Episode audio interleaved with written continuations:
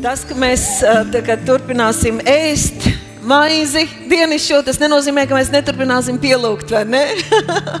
Mūsu dzīve ir pielūgšana, un es pasludinu, ka šeit ir tā kunga nams, un šī ir diena, ko viņš ir devis.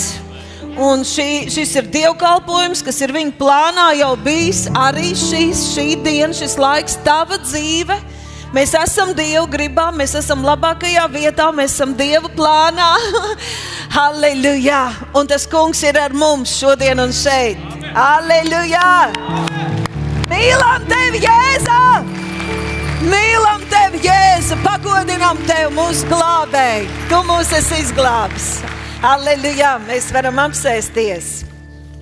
Un šodien es. Uh, dalīšos ar jums kādā Jēzus sarunā, kas patiesībā ir pāris panti, un es sadalīšu šo Jēzus teikto trīs, trīs daļās, uh, ko viņš runā situācijā, kad viņš atkal ir darījis brīnums, atkal ir dziedinājis, un tur notiek kāda saruna. Tā ir ļoti praktiska. Uh, ļoti praktisks, mums visiem ikdienā nepieciešams lietas, par kurām Jēzus šeit runā. Un tas ir no Mateja evaņģēlīja 12. nodaļas, 22. panta.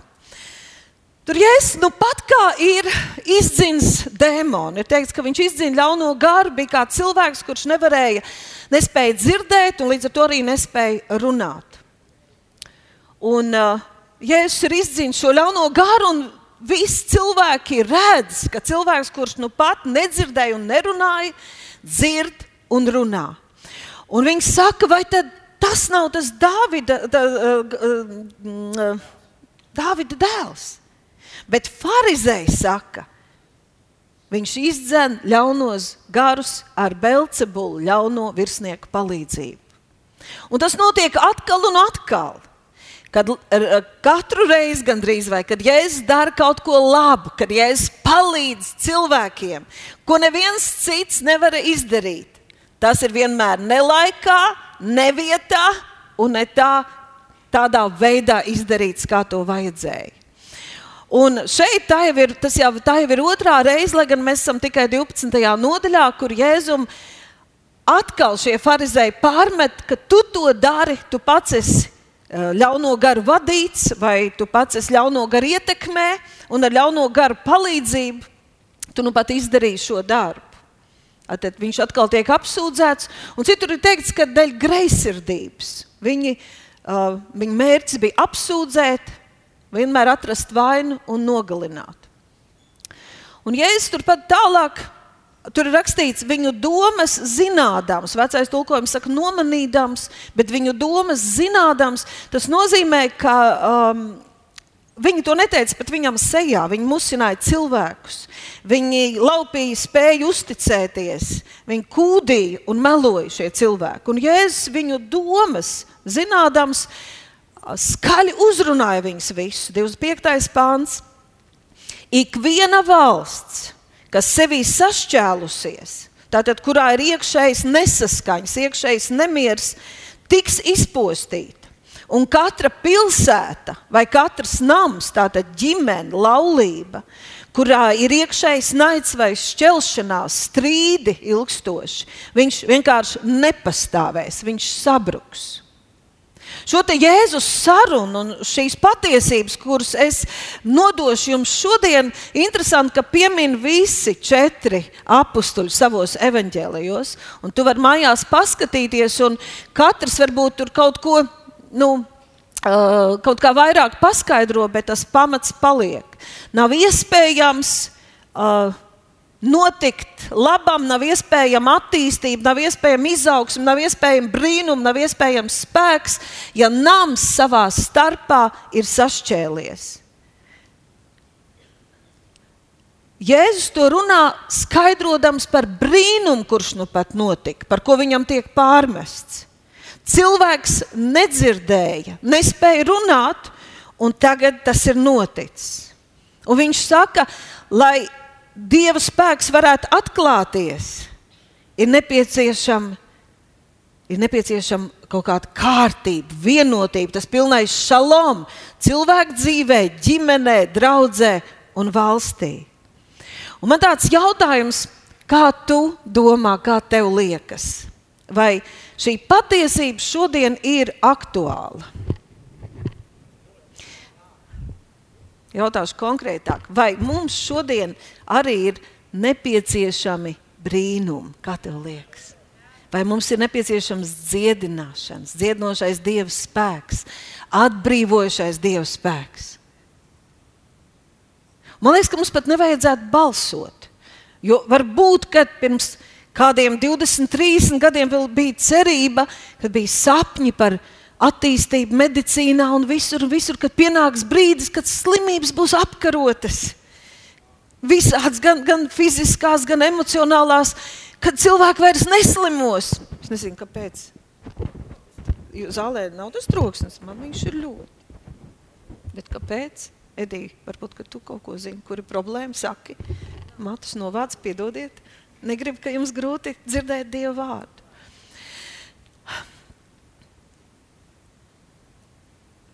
Atkal un atkal ir jā, jādomā par to, cik ļoti, cik ļoti mūsu sabiedrībai, mūsu laikam, mums personīgi ir vajadzīgs Dievs kā glābējs, vārds Jēzus. Viņa vārds būs Jēzus. Tas nozīmē glābējs, glābšana. Cilvēki ir nomocīti, cilvēki ir nospiesti. Lai cik labi viņi ārēji neizskatītos un nesmaidītu, viņa dvēseles augst mieru. Viņi nezina, kāpēc viņi dzīvo. Un, zinat, šis pavisam nu pat notikušais notikums, kas sākās Ķīnā 31. decembrī 19. gadā.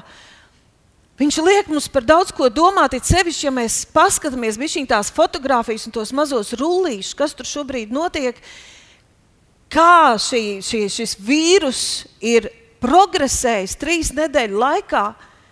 Mums liekas, tas ir tālu, bet paskatoties, Man liekas, ka es skatos kaut kādu fantastisko šausmeni. Kādreiz, kas ir redzēts tajās fantastiskas filmās, tas notiek tur Ķīnā. Šis te jaunais koronavīrus. Viņi atklāja 31. decembrī Uhaņas pilsētā. Tā ir trešā lielākā pilsēta Ķīnā. Tur dzīvo 11 miljoni iedzīvotāji. Un jau 23. janvārī pilsēta tika pilnībā slēgta. Es nezinu, vai jūs redzējāt, kā vienkārši četrās joslās, kur iet mašīnas, tiek noslēgti ceļi, un, un te vienkārši nelaiž ārā. Un, un, un, un, kā cilvēki staigā maskās, un, un labi, mēs tur neiedzināsimies, bet un, un tad mēs skatāmies, ka šī attīstība ir tā kā runga, kur ir tas pozitīvais un arī tas negatīvais, ir tas traumējošais. Tā globālās ceļošanas iespējas, kas ir pieejamas visiem tagad mums trīs nedēļu laikā jau ārpus Ķīnas. Uh, Inficēta Taivāna, Filipīna, Taizeme, Japāna, Singapūra, Vietnama, Dienvidkoreja, ASV. Un nu pat divu dienu laikam atpakaļ jau bija ziņa, ka jau ir atnācis arī uh, Francijā vai Itālijā, ja? jau Eiropā tātad vīrus jauns. Un mediķi runā, arī senie vīrusi mostās, atrodas, viņus nevar apkarot, atgriežas. Uh, ba infekcijas, bakas, holēra, tīvs, tuberkuloze. No mēra 200, 2017. gadā miruši 3000 cilvēki. Atjaunojas no dabas perēkļiem. Pārnēsā blusas, žurkas par šo jauno vīrusu domu, ka tās varētu būt čūskas. Visu laiku veidojas jaunas infekcijas, vīrusu, kam aizvien grūtāk ir atklāt antibiotikas. Es mazliet tā izēju ārā no šī te, vai mums vajag vienprātību, vai mums vajag padoties Dievam, vai mums vajag, lai Jēzus patiešām ir mūsu kungs, vai mums vajag Dieva spēku, zīmes un brīnums ikdienā. Un tad paskatīsimies tikai vienu lietu, tādu vienu lietiņu kā vīrusi, slimības kā vīrusi. Aizvien grūtāk kļūst atklāt jaunas zāles, jaunas antibiotikas.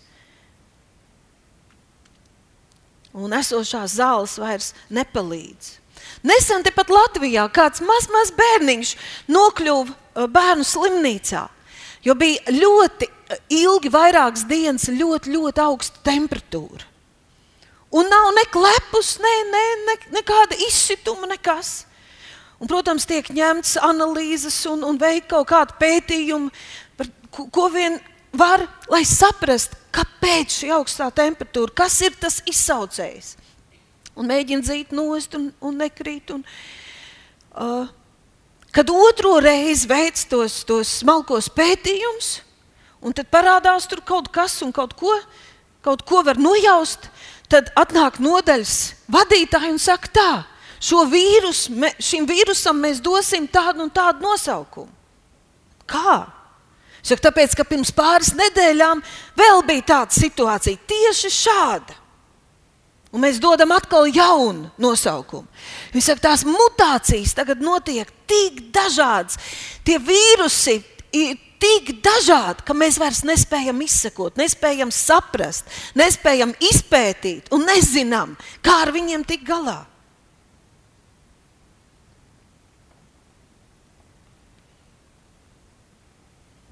Ja mēs paļaujamies uz zālēm, mēs ceram, ka tās palīdzēs.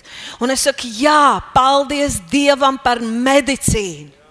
Paldies Jēzum par ārstiem. Viņš bija pirmais, pats Dievs. Viņš teica, es esmu tas kungs, jūsu ārsts. Un viņš deva gudrību. Viņš dod gudrību. Gan penicilīnu, kā izgudroja, gan medicīna ir no Dieva neienīsti medicīnu, nebaidies no tā svētī, un jau, kad tev ir ticība, tad to izmanto un pateicies Dievam.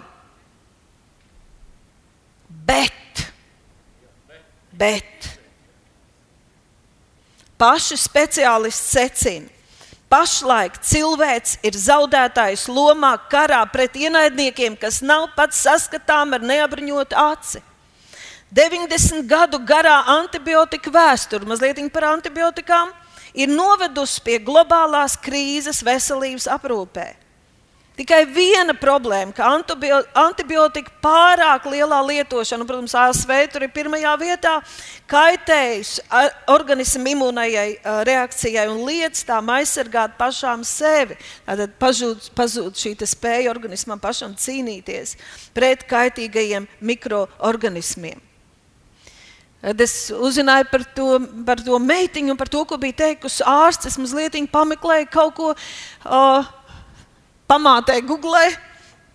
Un atradu nu pat iznākušo Eiropas parlamenta rezolūcijas priekšlikumu par Eiropas viena veselība rīcības plānu. Tikai par vienu tēmu šādu. Pret antimikrobiolā lai, antimikrobiālajiem līdzekļiem izveidojušās rezistences, a, rezistences apkarošanai. Piedodiet, es neesmu mediķis.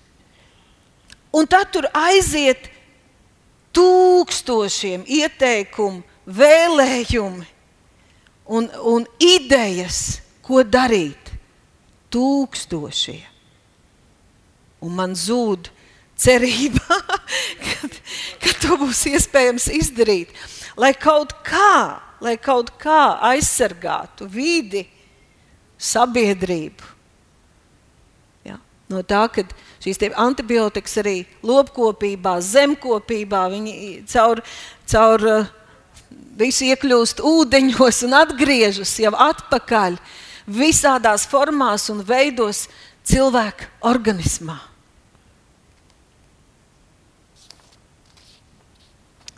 Tādu vēl tikai mazliet brīdinājumu tikai par šīm, te, par šīm te infekcijām. Brīdinājumu un prognozu sakarā ar globalizāciju.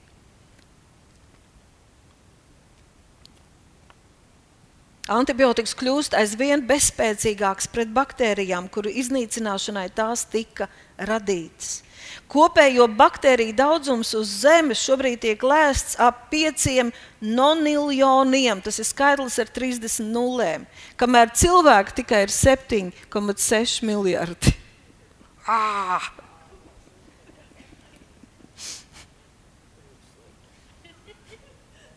Un tagad sakarā ar globalizāciju. Iespējas globāli ceļot, liela mēroga migrācija, veicina infekcijas slimību izplatību. Urbanizācija rada pilsētās zonas, kas kļūst pārpildītas un paaugstina infekcijas slimību risku. Palielinoties sociālajai nevienlīdzībai, veidojas iedzīvotāju grupas, kuru saslimšanas risks kļūst aizvien lielāks. Turismu un biznesa ceļojumu pieaugums palielina risku ievest valstīs slimības no citām valstīm. Nedrošs seks, narkotikas, nopietnas riska faktors, vidas, ekoloģiskās un klimata pārmaiņas, kas ietekmē infekcijas slimības, kļūst aizvien vairāk. Tehnoloģiskie uzlabojumi dažas slimības ir samazinājuši, piemēram, holēru, bet veicinājuši citu slimību pieaugumu. Mūsdienu pārtiks ražošanas metodas un globālais pārtiks tirgus var izraisīt plaša mēroga, grūti kontrolējamu slimību uzliesmojumus. Mēs ar to saskaramies vai vismaz par to dzirdam ik, ik pa brīdim. Jo pārtika tiek transportēta, transportēta cauri dažādiem, dažādām pasaules valstīm un dažkārt tur ilgi uzglabājas. Bez tam jaunās zināšanas medicīnā ir parādījuši, ka daži veselības stāvokļi, piemēram, vēzis un čūlas, ir saistīti arī ar infekcijas slimībām. Piemēram, uz, bru, uz doto brīdi jau ir doma, ka no 20 līdz 25% visu vēža gadījumu ir, radījuši, ir eh, sākušies, radušies no infekcijas slimībām. Es jums negribu nokaut ticību Es jūs negribu iedzīt depresijā, bet es gribu jūs noskaņot tam vārdam, cik tas ir aktuāls. Tas, ko Jēzus teica toreiz. Tur apkārt bija slimie, kam vajadzēja palīdzību, un Jēzus viņus dziedināja. Un cilvēki meklēja tam izskaidrojumu jau toreiz, lai nebūtu jāatzīst, ka viņš ir Dieva dēls, ka viņš ir glābējs, ka viņam ir jāuztic savas dzīves. Un tad šī svētība, ko Dievs ir paredzējis, šī aizsardzība, šis nodrošinājums varēs plūst un piederēt tavai, tavai dzīvei. Jā, mēs pateicamies par ārstiem un par medicīnu, kas ir no Dieva. Bet ir ļoti nopietna robeža. Mīļie kristieši, ļoti nopietna robeža. Un to mēs katrs tikai zinām. Kur beidzas tā robeža, ka mēs no visas sirds, vienalga izmantojot medicīnu, antibiotikas un ārsts, ka tas ir nepieciešams, no visas sirds, ar visu savu spēku, nepaļaujamies uz jaunākajiem pētījumiem, uz jaunākajām zālēm un nezinu ko, bet paļaujamies uz varano lielo ārstu. Halleluja! Ja mēs to nepazaudēsim, tad brīžos, kad ārsts pateiks, mēs nevaram šeit palīdzēt, un mēs nezinām, kas tas ar tevi notiek, tu neiekritīsi kā lauska peļķē Bet tavs gars gavilēs, jo tu zinās, ka tu pazīsti lielo ārstu. Un tu varēsi ne tikai pats saņemt savu brīnumu, bet tu varēsi šo svētību, ka mēs nu pat dziedājām, mēs ejam nest gaismu citiem, kurus vēlns tur verdzībā. Tā kā neaizrausimies, nepieķersimies labām lietām, bet pieķersimies pašam Dievam un uzmanīsim savas sirds, lai viņas netiktu pieviltas. Jo vēl joprojām darbojas Markus 16. Šīs zīmes ticīgiem ies līdzi. Manā vārdā tie ļaunus garus izdzīs. Un šeit mazliet informācija. Tikai 2015. gadā Eiropā vairāk kā 84,000 iedzīvotāji mira no psihiskām slimībām.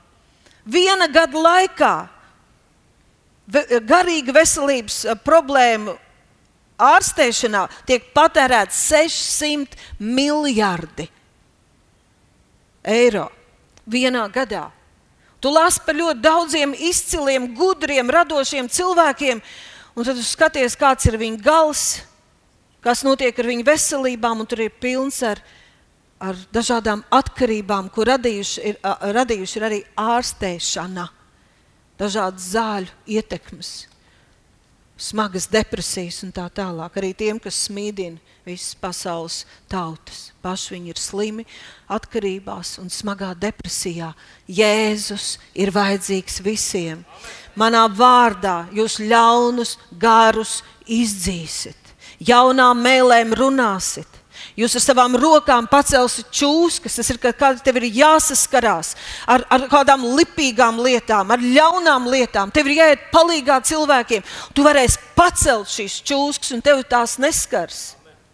Tu dzersi nāvīgas zāles. Paldies Dievam! Mēs bieži vien pat nezinām, ko mēs ēdam un iedzeram.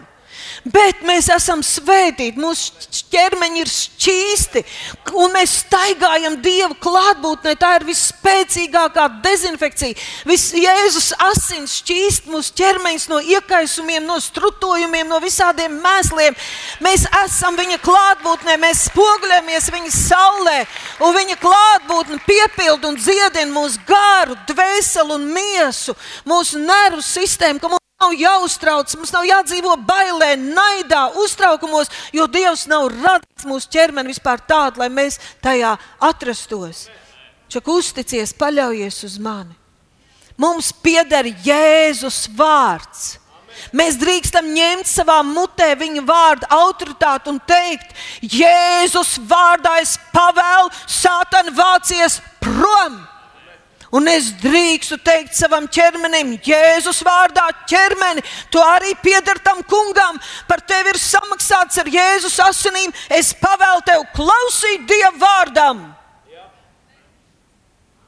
Mēs varam lietot Jēzus asinis apsardzībai, šķīstīšanai, Jēzus asinis. Halleluja!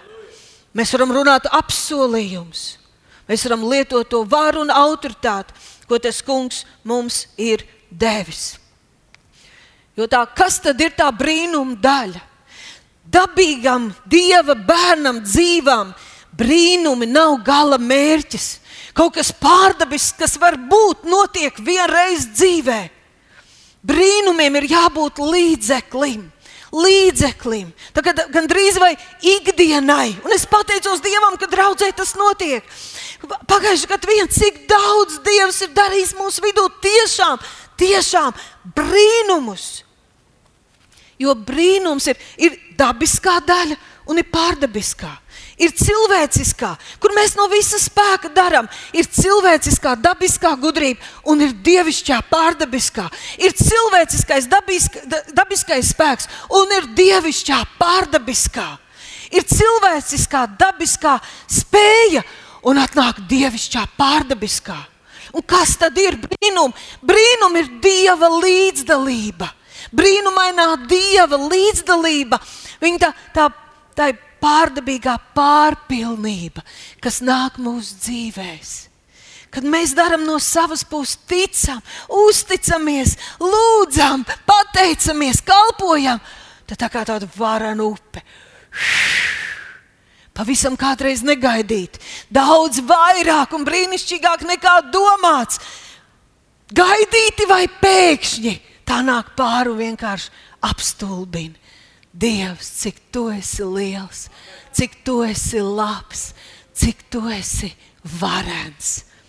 Halleluja! Mums vajag brīnums. Tāpēc Jēzus šiem cilvēkiem skatījās un acīs un teica: Nealojieties!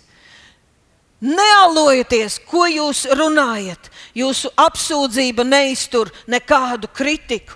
Ja Sātans būtu sacēlies pats pret sevi, viņš nevarētu pastāvēt, un viņam būtu gals klāt.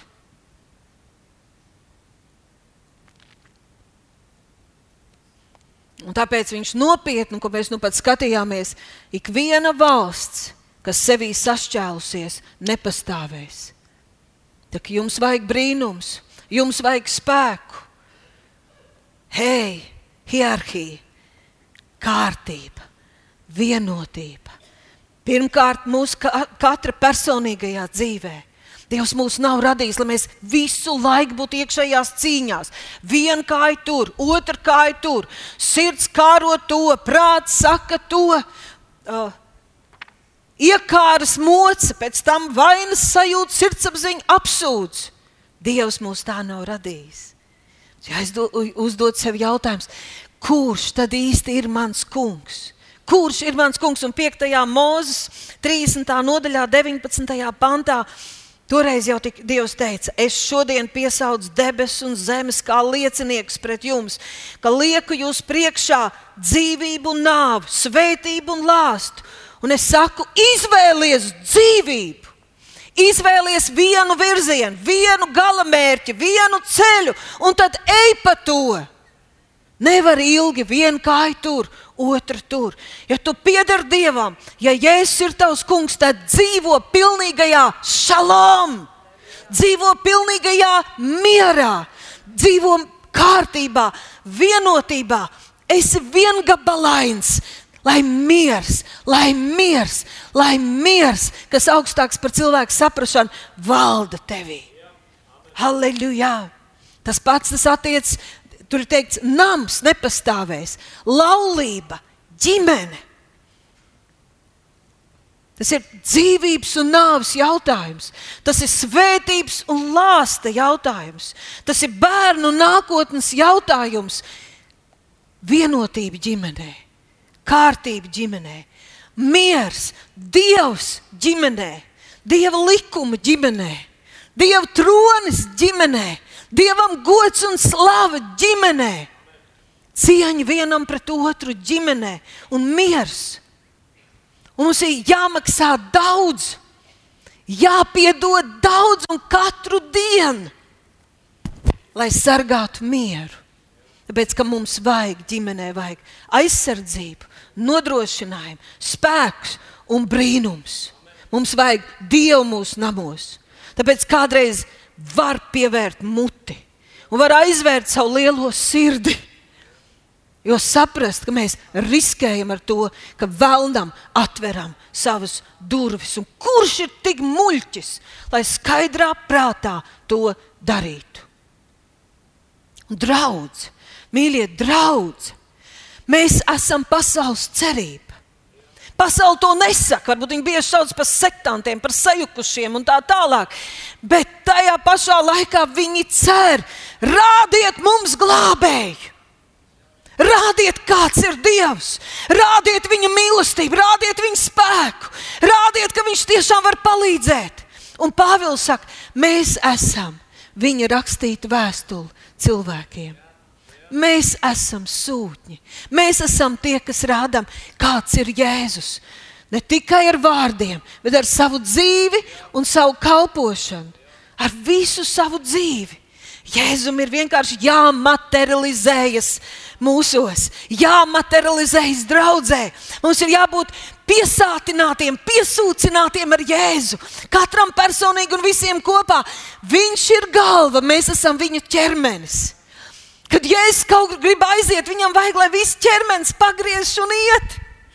Un mēs esam dažādi orgāni, dažādām dāvanām, dažādiem aicinājumiem, bet mēs esam vienā prātā, ka mūsu, mūsu intereses, vajadzības un uzskati kļūst sekundāri, jo mums svarīgāk ir padoties Dievam, padoties Dieva kārtībai, jo mums vajag viņu, mums vajag viņu, man vajag, tev vajag.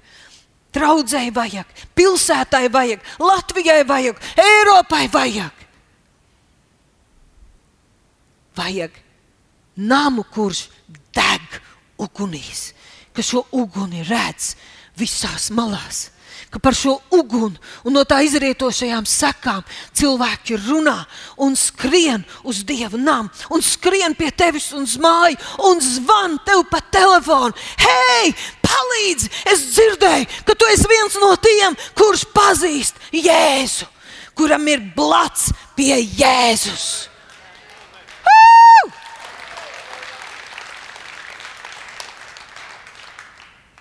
Nebūsim naivi. Un nedomāsim, ka vēlns necenšas ielīst no iekšpuses. Arī tā, kas viņš tāds ir, ko viņš tur dara? Sēt visādus melus, drazas, aizdomas, lai atņemtu draudzēju spēku, vienotību, ka te nevis sanāk Kristus varoņi, kas vēlas nodoties, augt, darīt zīmes un brīnumus, bet tādas klaču bābas iegūt jaunāko informāciju.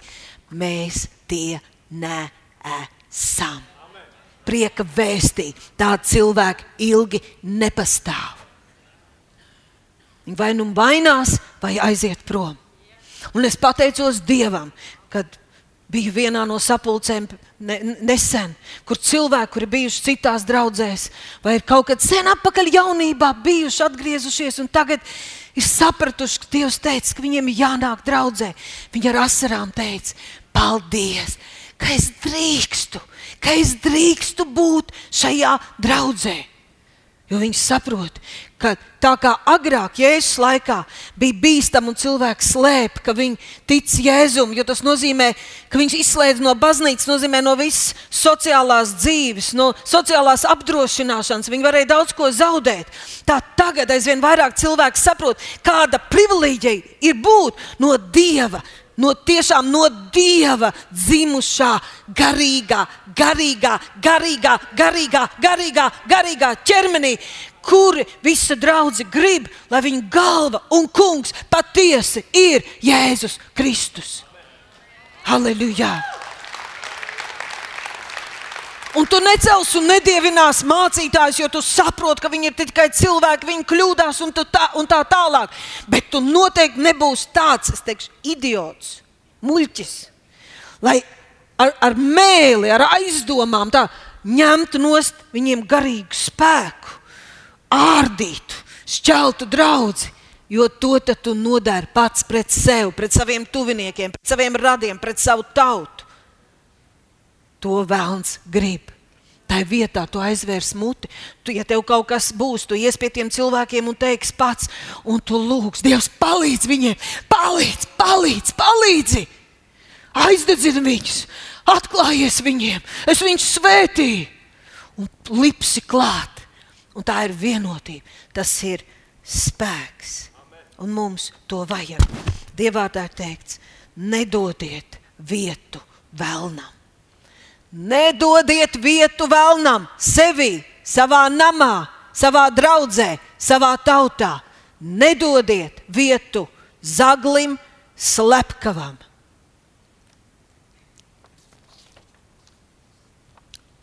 Tālāk, ja es skaidroju, ah, nē, vēl par vienprātību. Un domājot šo, par šo vienotību, par ko Jēzus saka, kad notiek zīmes un brīnumi, kad notiek Dieva darbi, cik svarīgi tas ir. Ka ja mēs to neturam dārgu, tad tas nams gāžās, tad draudzes jūg, tad partijas nepastāv. Cik svarīgi ir vienotība. Es atcerējos 133. psalmu, un tur no 1 līdz 3 pantam, paklausieties, ir tāda jauka doma. Redzi, cik jauki un cik mīļi, kad brāļi kopā dzīvo vienprātīgi. Tas ir kā dārga eļļa, tātad svaidījums, kas pilno galvas. Mēs zinām, kurš ir Jēzus. Ārona vārdā un notek uz viņa drēbju vīlēm, tā kā no galvas plūst pa visu ķermeni. Uzmanību, trešais pāns. Tas ir kā Hermona rasa, kas nokrīt uz Ciānas kalniem, jo tur, jo tur tas kungs ir apsolījis svētību un dzīvību mūžīgi. Svētību un dzīvību. Vienprātība sniedz svētību un dzīvību. Saka, svētību un dzīvību. Un jūs zinat, es lasīju šo, un pirmo reizi dzīvē, es zinu, ka Dāvis laikam vīriem bija jau ņēmis man pamodās interese. Kāpēc tur ir minēts Hermona kalns? Kāpēc tieši Hermons? Es veicu izpēti, es iesaistīju mācītāju, es iesaistīju Dāvidu. Man ar to nepati, nepietika. Es piezvanīju Rebekai uz Izraēlu. Viņa ir kontakti ar augststā, augststāvošām politiskām personām. ar gidiem un tā tālāk. Un es lūdzu viņai arī uzzināt. Un es iegūstu daudz informācijas. Bet tikai mazliet. Kāpēc? Runājot par vienotību, par vienprātību, ir runāts par Hermonu kalnu. Tātad šim kalnam ir nozīme gan fiziskā, gan garīgā ziņā. Tas ir Izraēlas augstākais punkts, majestātisks, plešas 100 km garumā. Izraela, protams, kā tuvu austrumu zeme, ir izteikti sausa, tūkstošaina zeme. Bet uz šī kalna visu gadu ir sniegs. Tāpēc šis kalns sniedz svaigumu, vēsumu, veldzi. Un interesanti, ka šis mitrums nāk vai krīt no šīs augstākās smailes, no šiem kalnu grēdām uh, pār visu Izraēlu kā rasa, nesot svaigumu un veldzi karstajām vietām. Bet no šī kalna arī izplūst trīs upes, un tad vēl ir tas kūstošais sniegs. Un tas piepildu, nāk lejā no kalna, piepildu visus avotus, strautus Izrēlā un ieplūst Jordānas upē. Tātad te burtiski skaidri redzams, ka tā ir svētība, kas dod dzīvību pabaro, apūdeņo, lai būtu raža, skaisti augļi, lai viss tiktu atspirdzināts, kā to dara svaidījums. Tātad svētība no tā kunga dod dzīvību, kad esam vienprātībā. Vai tad tā nav, ka ģimene ir vienprātībā, mīlestībā, vai tad viņi nesmaržo, vai tad nav sajūta, ka tur pil, pil svaidījums, vai tur nezied ziedi, vai tur nav, nevalda radošs gars, Vai tur nav milzīgs skaistums, kad draudzene ir vienprātībā?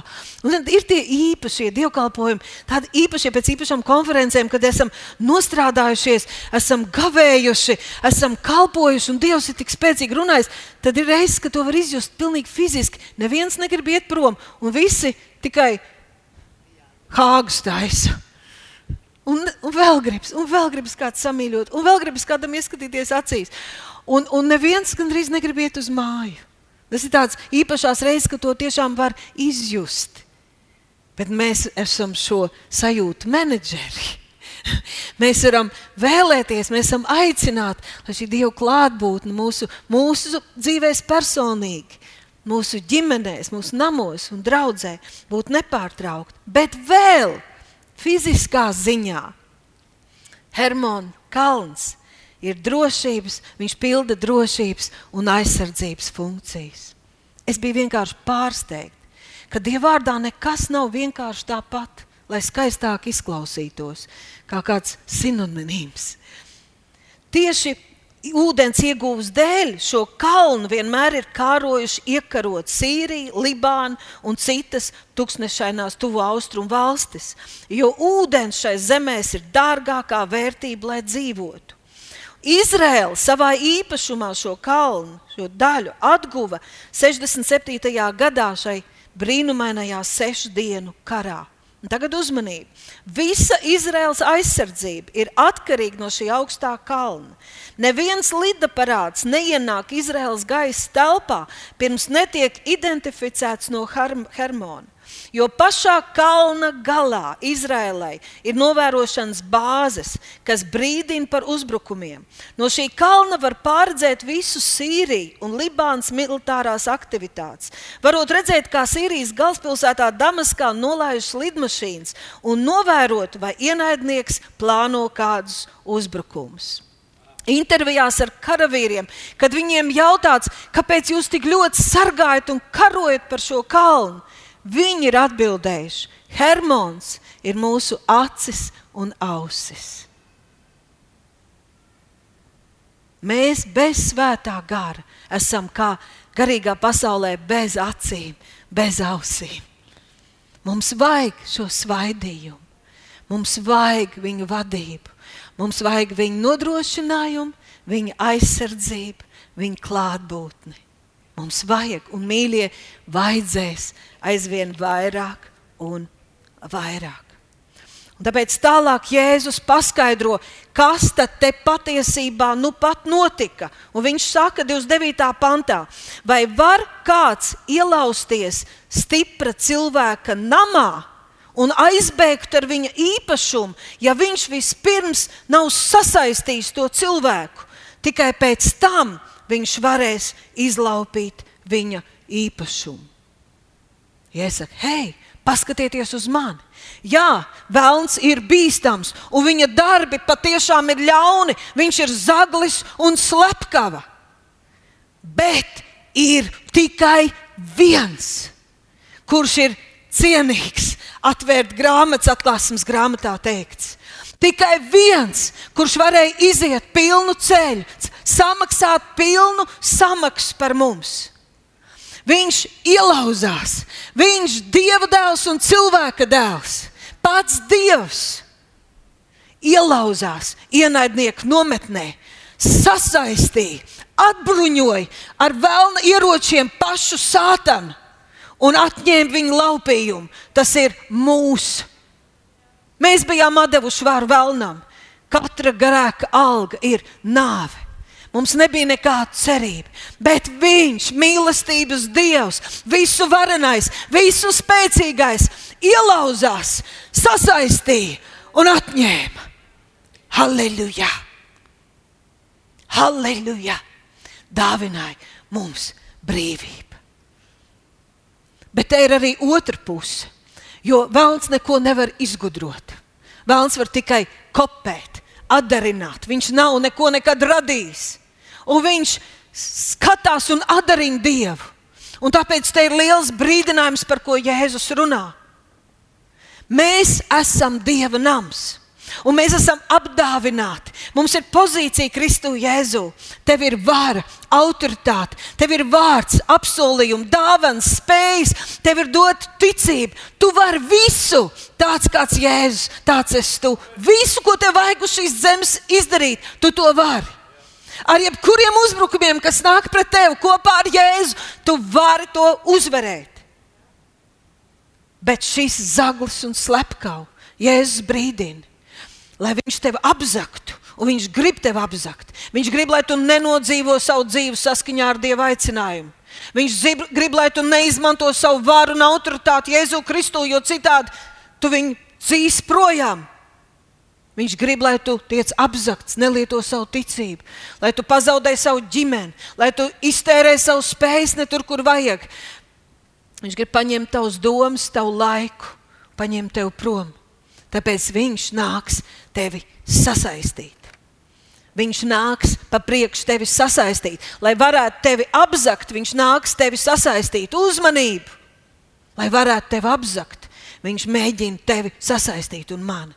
Manas domas, manu uzmanību, manu laiku, manas intereses, dabūt prom manu sirdi. Sasaistīt, lai tad apzaktu un beigās nogalinātu. Bet rezumē šai otrajai daļai. Vai skatoties uz to, kādu laiku tuvojas, cik bīstami tie ir, cik vēlns ir briesmīgs un tā tālāk, vai mums būtu no kaut kā jābīstas, vai mēs esam nedrošā vietā, vai mums vajadzētu uztraukties?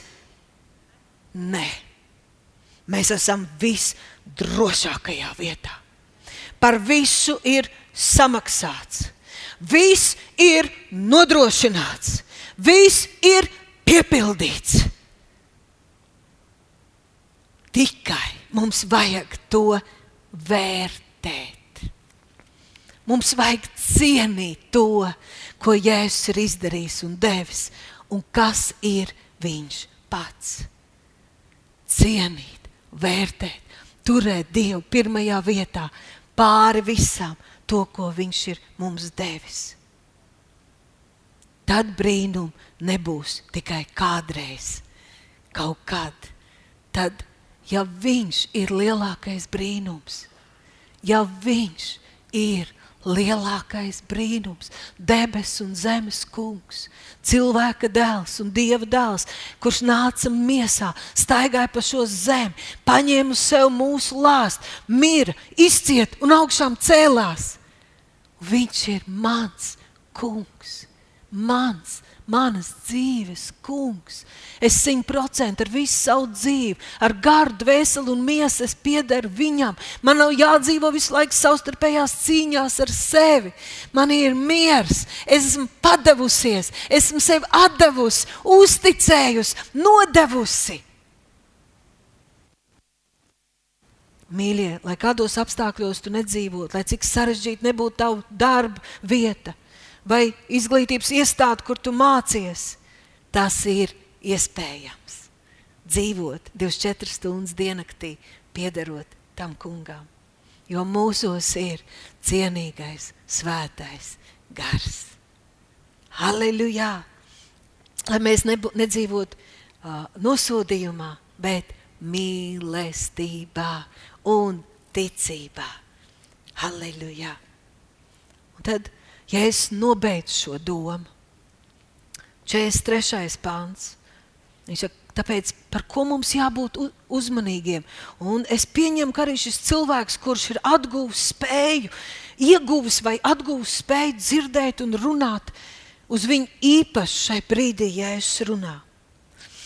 Kad nešķīstais gars no cilvēka ir izgājis, tad viņš pārsteigā sausas vietas un meklē atpūtu, meklē mieru un neatradis, viņš saka, es atgriezīšos savā namā, no kurienes mani izdzina. Un kad viņš aiziet pie tā nama, tad viņš redz, ka tas nams ir tukšs. Man gribas likt uzsvaru. Tukšs, sakopts, un cits saka, tulkam saka, uzpos, izpušķots pat. Tukšs, tīrs, sakopts, izpušķots. Mīļie, tā ir dieva daļa. To izdarīja Jēzus asins. To izdarīja, ka mēs lūdzam atdošanu. To izdarīja pestīšana. To tukšo, tīro namu sarūpēja tas kungs. Dziedināšanu atnes, izdarīja tas kungs. Atbrīvošanu izdara tā kunga spēks, ka mēs pieņemam viņu vārdu. Bet uzmanība, nams ir palicis tukšs un sakopts. Bet mēs zinām, ka daba necieš tukšumu, ka nezāles nav jāsēj.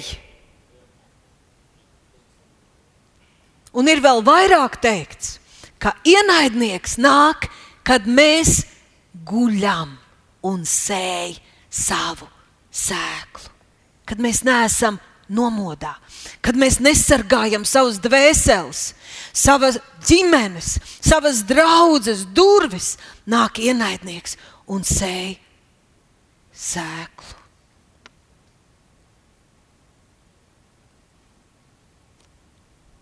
Ir laba patiesība. Sakāve neatnāk tāpēc, ka darām ko nepareizu, sliktu bet tāpēc, ka mēs nedarām to, kas ir nepieciešams. Ja es saku, kas nav ar mani, tas ir pret mani, kas ar mani nesakrāja, tas izkaisa, viņš tur pats saka. Tas ir pamāts, ka es vairs nedaru neko sliktu. Ir jādara labais. Tas ir par maz, ka tu vairs nesēji ļaunu, ir jāsēj labā sēkla. Tas ir par maz, ka tu vairs nerunā sliktas lietas. Ir jārunā labā, labā, labais vārds, labā sēkla, jāatraisa. Lai nams nepaliktu tukšs. Neatstāj savu dvēseli tukšu, neatstāj savu prātu tukšu, neatstāj savu domu dzīvi tukšu, neitrālu. Neatstāj savu draugu loku tukšu, ka tu esi atstājis tos, kas vilka tevi uz ļaunām, grēcīgām lietām, un tu to vairs nevēlies. Neatstāj savus intereses un hobijus tukšus. Piepildi ar svaidījumu, piepildi ar Dieva klātbūtni, piepildi ar apsolījumiem. Dievārds saka, esat pilni svētā gara lai tevi allaž nesā baltas drēbes, un lai tavai galvai nekad netrūkst svaidāmās eļļas. Tad vēlns tuvosies, un es nepabeidzu tur tālāk, ir teikts, tas trakums ir, kur ir teikts, ka tas demons, kas ir izdzīts, tie vecie grēki, tie kārdinājumi, viņi nenāk vieni. Tas nozīmē, viņi nenāk tieši tādā veidā, jo tad tu viņu ātri atpazītu. Te ir rakstīts, un pat tālāk, ja saka, viņi paņem septiņus citus, vēl ļaunākus, un tad ar cilvēku notiek vēl sliktāk nekā bija līdz tam. Un viņš saka, tā būs ar visu šo grēcīgo paudzi, ar visu šo cilti.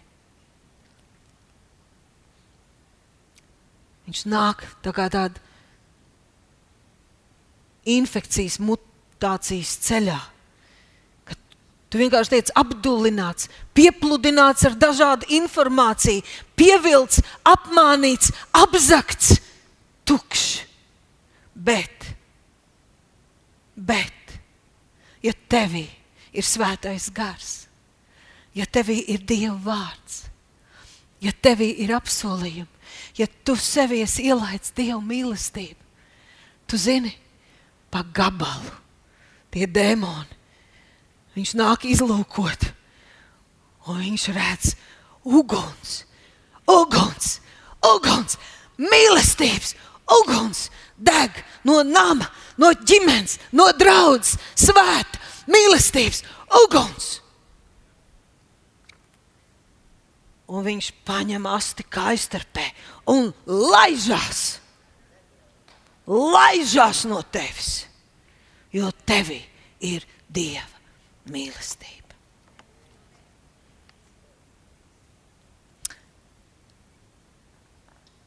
Svaigs, spēcīgs attiecības ar Jēzu.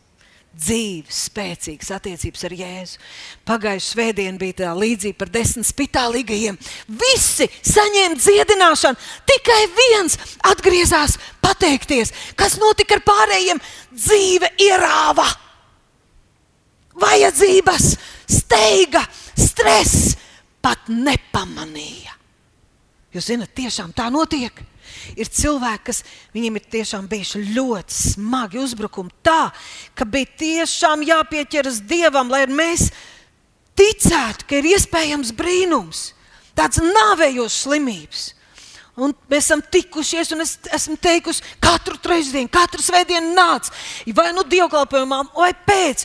Liksim rokas te virsū, ej pie ikviena, liec rokas, lai plūs svaidījums. Mēs runāsim Dievu vārdu, lai Dieva spēks pret šo ļaunumu. Mēs ticam Dieva spēkam, ka tev pieder dziedināšana.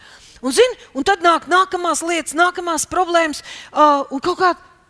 Un tad pēkšņi tu viņu kaut kur satiec, kaut kādās svinībās, vai vienkārši veikalā hei, un tad jau tā, dzin, vai es domāju, varbūt viņš jau ir uh, mūžībā.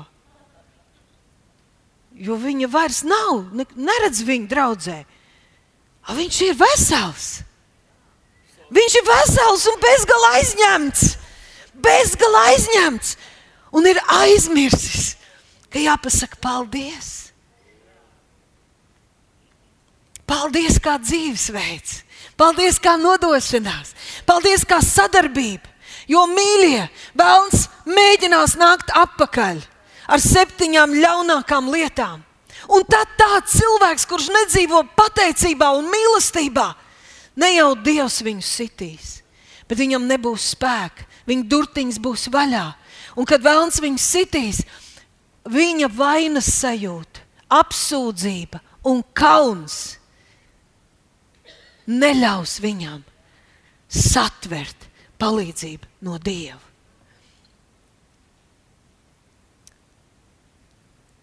Nobeigumā, mīļie, tāds mazs humors izklaidēja pēc smaga, nopietna vārda mūsdienu jauniešiem, ko, kas, noz, kas noteikti nav dziļas personīgas attiecības ar Jēzu. Lūdzu, video! Vai tu esi kristīga meitene, kurai patīk uzņemt bildes ar savu personīgo laiku ar Dievu? Vai tu stundām ilgi centies uzņemt perfektu bildi, kaut arī cilvēki nepamanā, cik garīgi tu esi internetu vidē?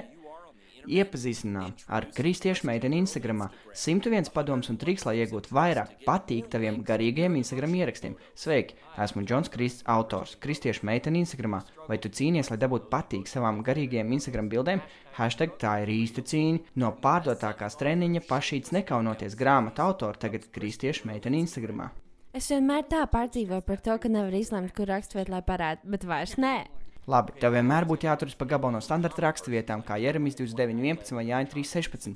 Neatkarīgi no tā, kuru raksturvietu izvēlēsies, vienmēr pārliecinies, lai iekrāsots ir vairāks un ar dažādām krāsām, jo galu galā Kāda jēga no garīgiem lasījumiem, ja neviens par viņiem nezina? Es mēdzu pavadīt 5 minūtes lasot Bībeli, un pēc tam 30 minūtes cenšoties izdomāt kādu hashtag, lai pievienotu. Bet tad es atradu kristiešu meiteni Instagram. Mana grāmata ietver sevi vairāk nekā tūkstošu mirkļu birku ieteikumu, piemēram, kafija ar kolsiešiem, svētlaim, dzīdrs, ļoti nepieciešams un, protams, svētīts. Pēc kristiešu meiteni Instagram jau šodien, un mēs iekļausim arī 31 lietu paciņu ar opcijām, ko likt tavas bildes fonā. Pateicoties iedvesmai no kristiešu meiteni Instagram, es noņēmu savu Merlīnas Monroe plakātu un aizstāju to ar pēdu nospiedumiem smiltīs. Tāpēc atbrīvo vietu no mantām uz sava galda un aizvieto tās ar jaunajiem produktiem no kristiešu meitene Instagram. Kristiešu meitene Instagram ir lieliska. Mani lasījumi tagad nepārtraukti tiek pārtraukti ar ziņām, ka kāds ir uzspiedis patīk manam ierakstam pērts tagad, un mēs iekļausim vēl vienu grāmatu papildus, kā pavēstīt par gavēni no sociālajiem tīkliem. Padomu un trīk, lai efektīvi pateikt cilvēkiem, ka tu gavē, tādējādi ignorējot visas jēzus mācības par stāstīšanu cilvēkiem, ka tu gavē. Kristiešu meitene Instagramā var būt tava jau šodien. Šī grāmata un tik daudz vairāk pieejama tev par cenu, kas zemāk nekā jogas treniņu bikses. Es nevienmēr lasu, bet kad es lasu, tad es iepostoju to. Jā. Oi. Tas tāds mazs humors jauniešiem, ka viss, ko mēs darām, visiem ir jāzina. Bet eh, personīgas attiecības ar Dievu, tās ir dziļas, tās prasa mūsu sirdi un mūsu laiku. Un šai sakarā vēl nobeidzot, uh, populārais režisors Alans Hermans ir viens no tiem, kurš vēl ar vairākiem gudriem cilvēkiem pēdējā laikā ceļ trauksmi, cik kardināli pārmaiņu priekšvakarā mēs dzīvojam kad robeža starp nākotnes tehnoloģiju, mesiānismu un šarlatānismu ir bīstami izplūdusi. Jo mākslīgā intelekta un robotizācijas ietekme kļūst nekontrolējama. Viņš kopā ar citiem domājušiem cilvēkiem uh, runā par to, kādā veidā pasaulē notiek cilvēku smadzeņu skalošana un to pilnīgu un absolūtu kontroli. Un cik nekristīgi milzīgs cilvēku masas arī pasaules gudrākie prāti dievina un atbalsta kādu ideju vai cilvēku, sekojot masu psihozei un mēdīju popularizācijas ideāliem, popularizētajiem ideāliem. Un viņš aicina, viņš kā cilvēks aicina, neticiet nevienam, analizējiet paši, pārbaudiet katru informāciju, domājiet līdzi, neticat nekam, neticat nevienam. Bet man ir jautājums, vai mūsdienu cilvēks vairs prot analītiski, gudri, domāt kritiski. Bet tas nopietnākais jautājums, ja nav centra, ja tev noliedz pašu balstu un pamatu, pašu patiesību, tad uz kā? Lai tā domāšana balstās un veidojas, tā, tad nav nekā. Un tāpēc Daniela 11. nodaļas 3.2. pantā ir teikts, ka šādi laiki būs, bet tie, kas pazīst savu Dievu, paliks stipri, pastāvēs un rīkosies pēc savas pārliecības miers ar Dievu, padošanās Viņam, visdrošākā svētības un dzīves pilnā vieta, lai dzīvo tu un tavu pēcnācēji, kā 5. mūzes ir teikts. Halleluja!